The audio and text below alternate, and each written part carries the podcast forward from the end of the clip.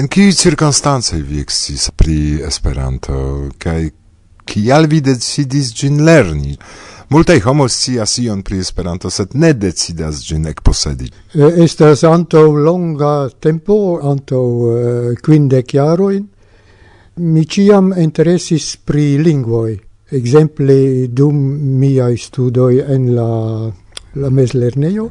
Iam mi comencis lerni la itala lingua, Poste, ciam mi eh, studis en Hento por eh, agronomia inĝeniero, mi studis private eh, la hispana lingua. Kaj en tiu tempo mi estis proximume dudec quiniaroin. Mi hazarde trovis en loca gazeto, mi logis en, en villaggio, kie nenio uh, sciis ion pri Esperanto. La vorto Esperanto nekonata. nekonata. Eh? Do hazarde en, eh, en hazeto, loka hazeto, mi trovis raporteton pri eh, uh, recontigio, pri uh, conferenzo au uh, congresso en Anglujo en Stoke on Trent. Kai ili diris ion pri tio, ili anco metis parton de la poemo La Espero, conata himno. Mi legis tion kaj mi diris, mm, mi comprenas multe, devas esti interese eh, lerni esperanto. Sed mi konis nenion en mia regiono. Mi siis, ke kongreso estis estinta en Stoke-on-Trent, kaj mi skribis letteron al urbestro disto contrent in angla lingua mi diris, eh, signoro, mi serĉas eh, adreson aŭ kontakton kun esperantistoj, kun homoj kiuj konas Esperanton. kai eh, tiu signoro eble li ne legis tion, set li donis al lia sekretario o alla loca Esperanto grupo Kai iu respondis al mi. Ili diris, mi ne logis tre for de Brugio, Brugio la, la urbo, kai uh, tio persono el sto contrent scribis adresso de esperantisto en Brugio, kai mi iris al tio uh, persono. Lia nomo, mi ancora ossis, eh, estis uh, signoro Roger Isrentant, set fini conas. En tiu tempo li estis bone conata en le regiono, li estis eh, long tempe secretario de la loca gruppo in Brugio. Anto nascigio de Heidihus? No, anto pli ol uh, quindec jaro, ne? Kai tio persono estis eh, ne tre afabla, eh, sed ne gravas. Tamen li donis informoin al mi, li diris eh, jen libro, vi povas lerni Esperanto per, per libro.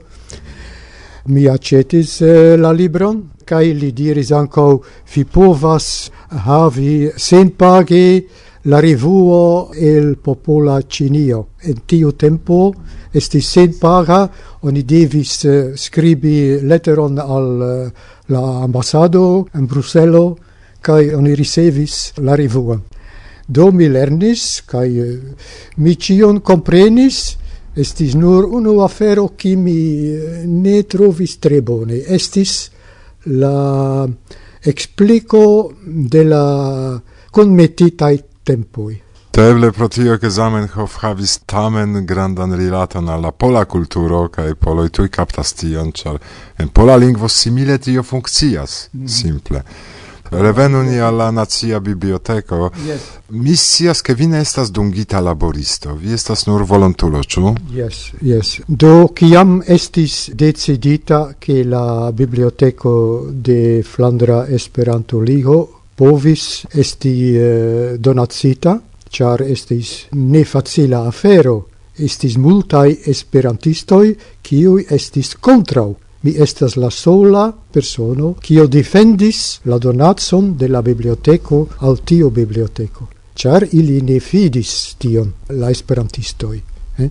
Estes donatso, ne estas proprajo de la esperantistoi. Hm?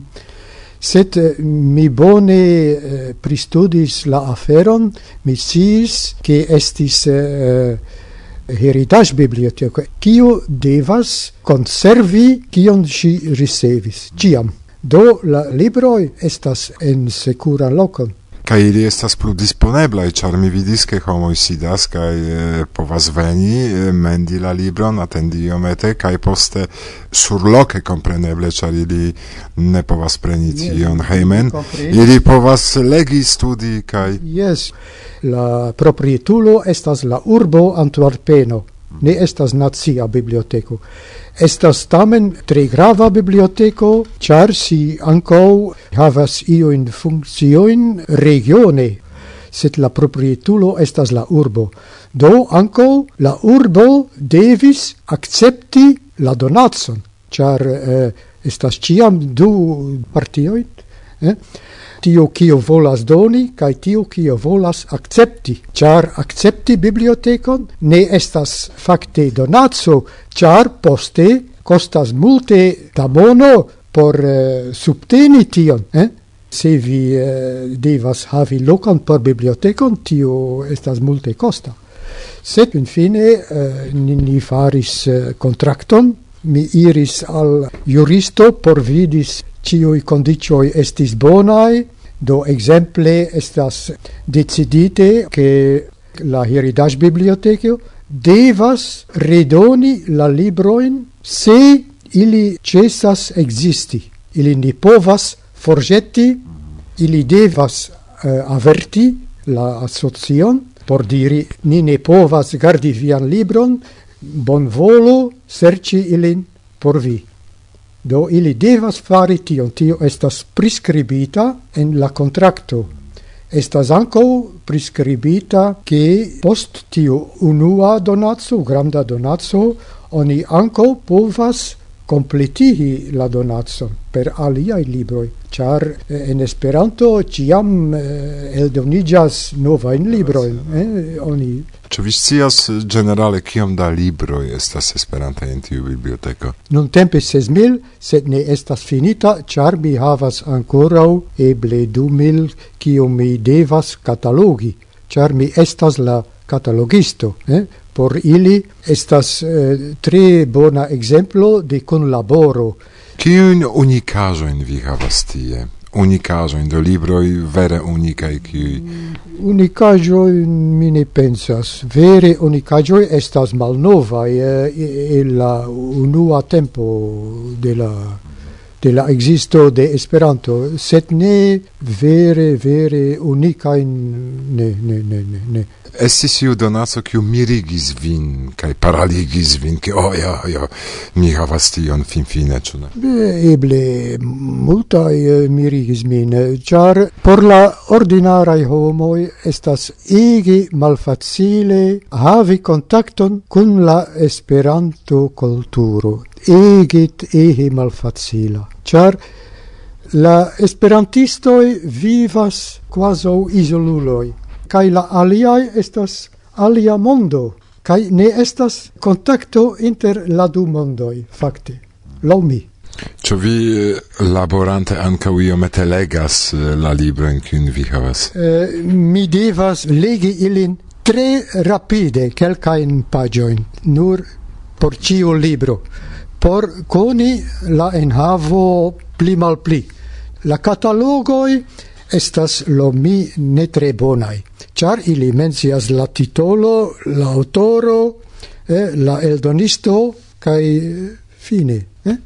Mi diras estas tio temo kio tio libro pritraktas kai estas pli interese por la serĉistoj se ili ne konas titolon aŭ aŭtoron sed ili volas eh, si ilin pi iu temo ili povas trovi libroin pri tio temo. Do estas iomete eh, granda laboro por eh, fari la catalogon kion mi faras. Kion vi diris al homoi en la tuta mondo kiu diras ke mm, no la libro estas jam historio. Estas non eh, aliai formoi informi homoin ol la libro. Kion vi dirus al tiuj homoj? Yes, mi ne tre ŝatas la aliajn formojn de komunikado, mi ne ŝatas. Mi ŝatas sole la librojn. En la libro oni trovas la plej klare la esprimo de la pensoj de la homoj. Oni estas quaso antau Zamenhof, antau la grandai verkistoj, quaso mi vidas ili, quaso mi parolas kun ili.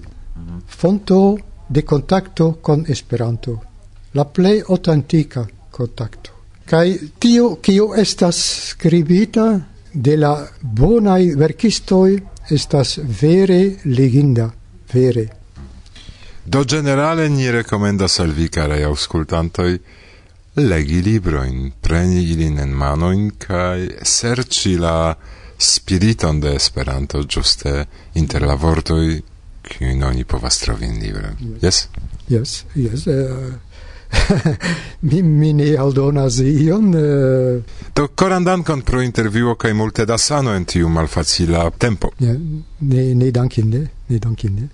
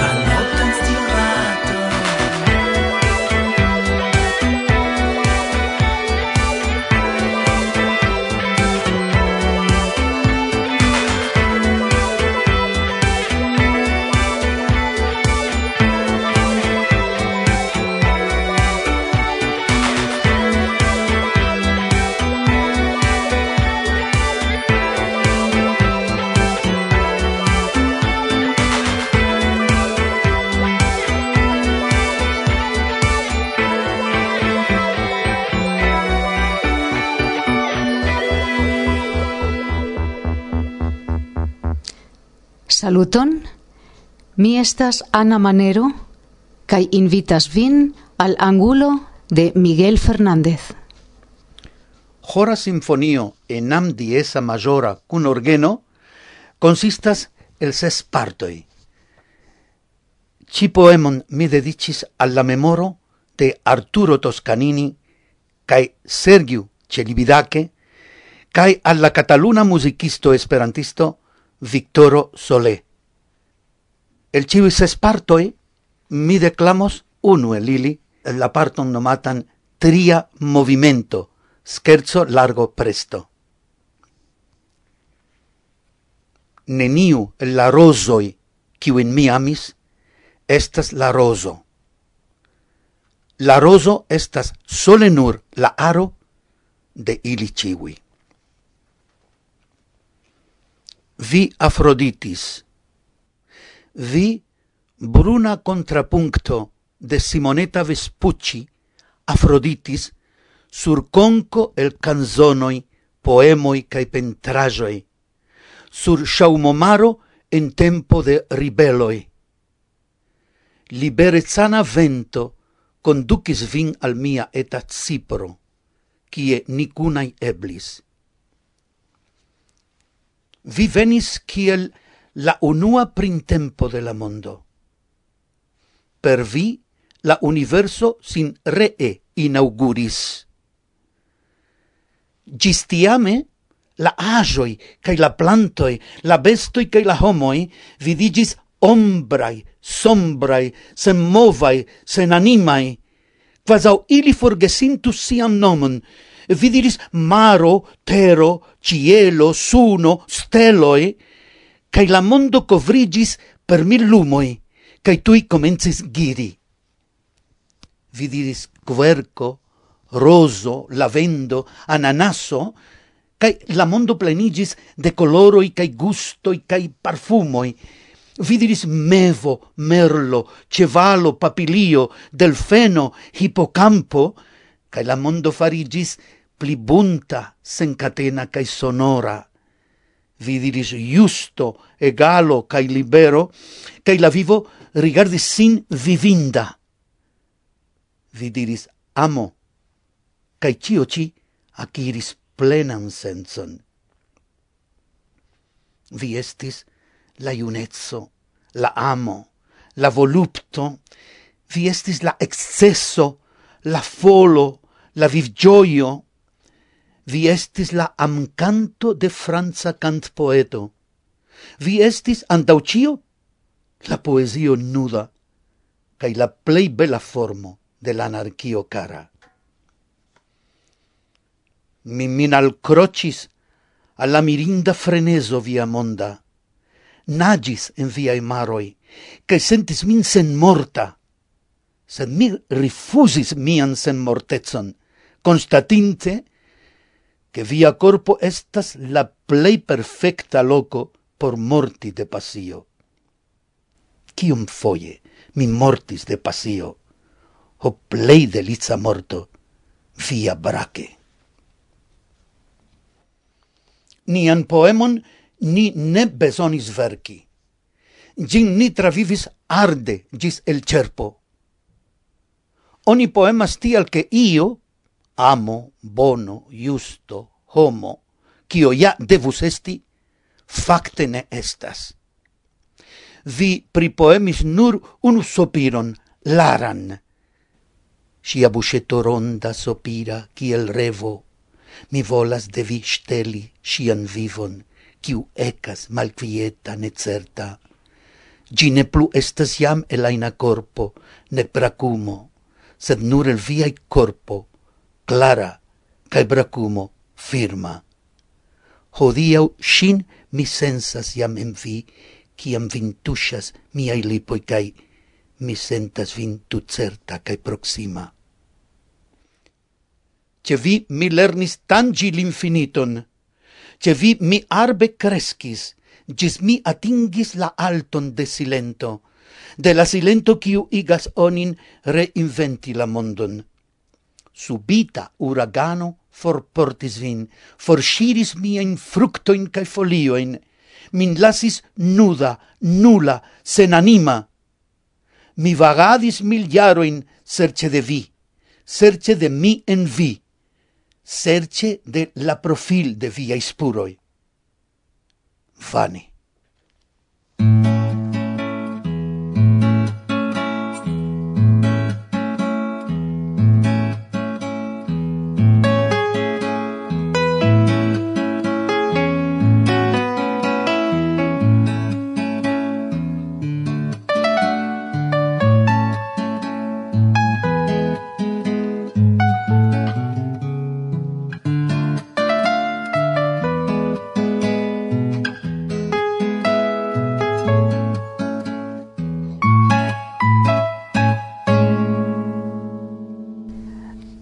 Eble iu al vi rimarkis, ke dum pluraj elsendoj mi ne prezentis iun konatan, nekonatan personecon de la esperantista movado.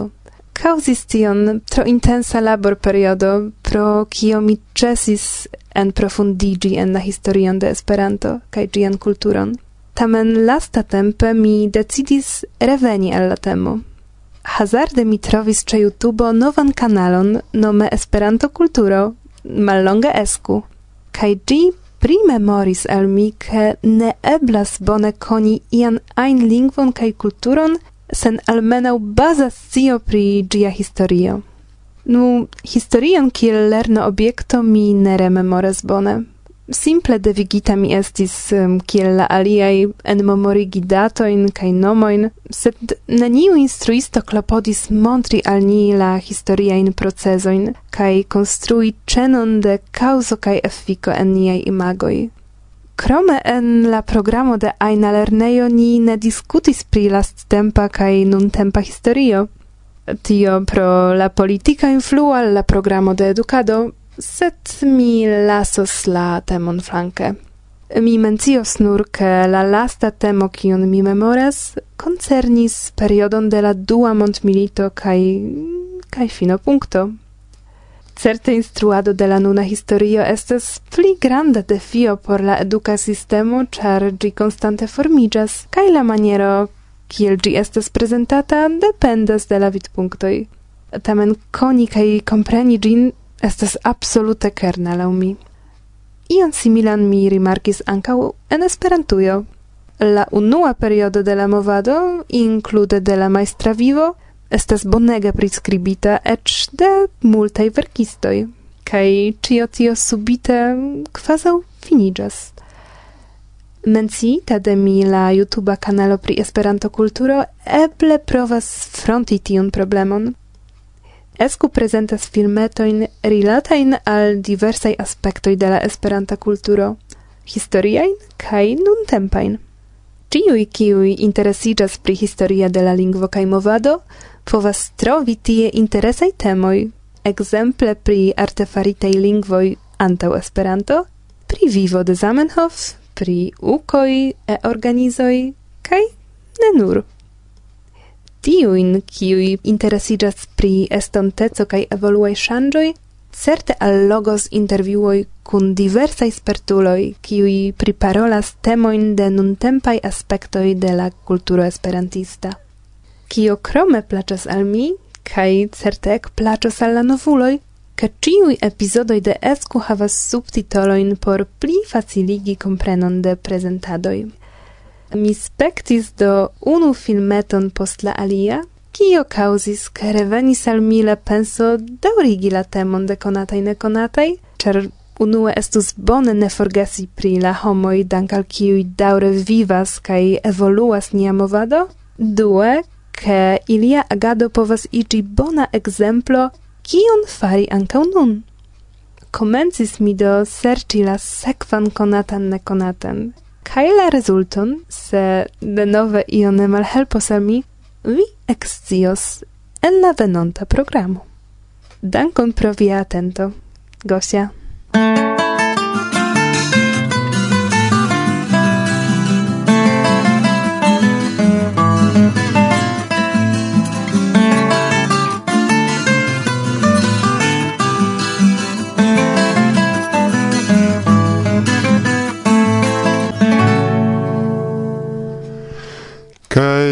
estas cio kio ni preparis por hodiaŭa elsendo. El la provizora studio de Varsovia Vento kore ni salutas vin ciuin, kiui nun auscultas nin. Kun dankoj ce la okazo al tiui, kiui contribuis la programon. Speciale al Adrian, kiu kreis raporton pri lia aktiveco en Lublino. Yes, en la tempo de aptelefonoj oni povas fari tion kaj provu eble same kiel Adrian. Eblas ancau raporti pri via agado Script forme. Kai iu el ni simple tion legos. Por la homo sciu, kio okazas en la mondo. Kai por ke almenaŭ tia maniere ni kunlaboru, ĉu? Ĉar kial ne? Yes, mi kunlaboras. Ankaŭ mi. Evidente. Do en tiu vela resumo de nia programo ni deziras al vi ĉiuj Cion la plej bonan. Kaj ĝis apero de la nova programo. Dum atendado mi instigas vin pli atente esplori nian arkivejon. Jes valoras. Gis la reaudo, karaj. Ĝis. Bla bla bla. Gvidu nin alla eterna helaso. Alleluia. Ne permesu che ni perdu vojon.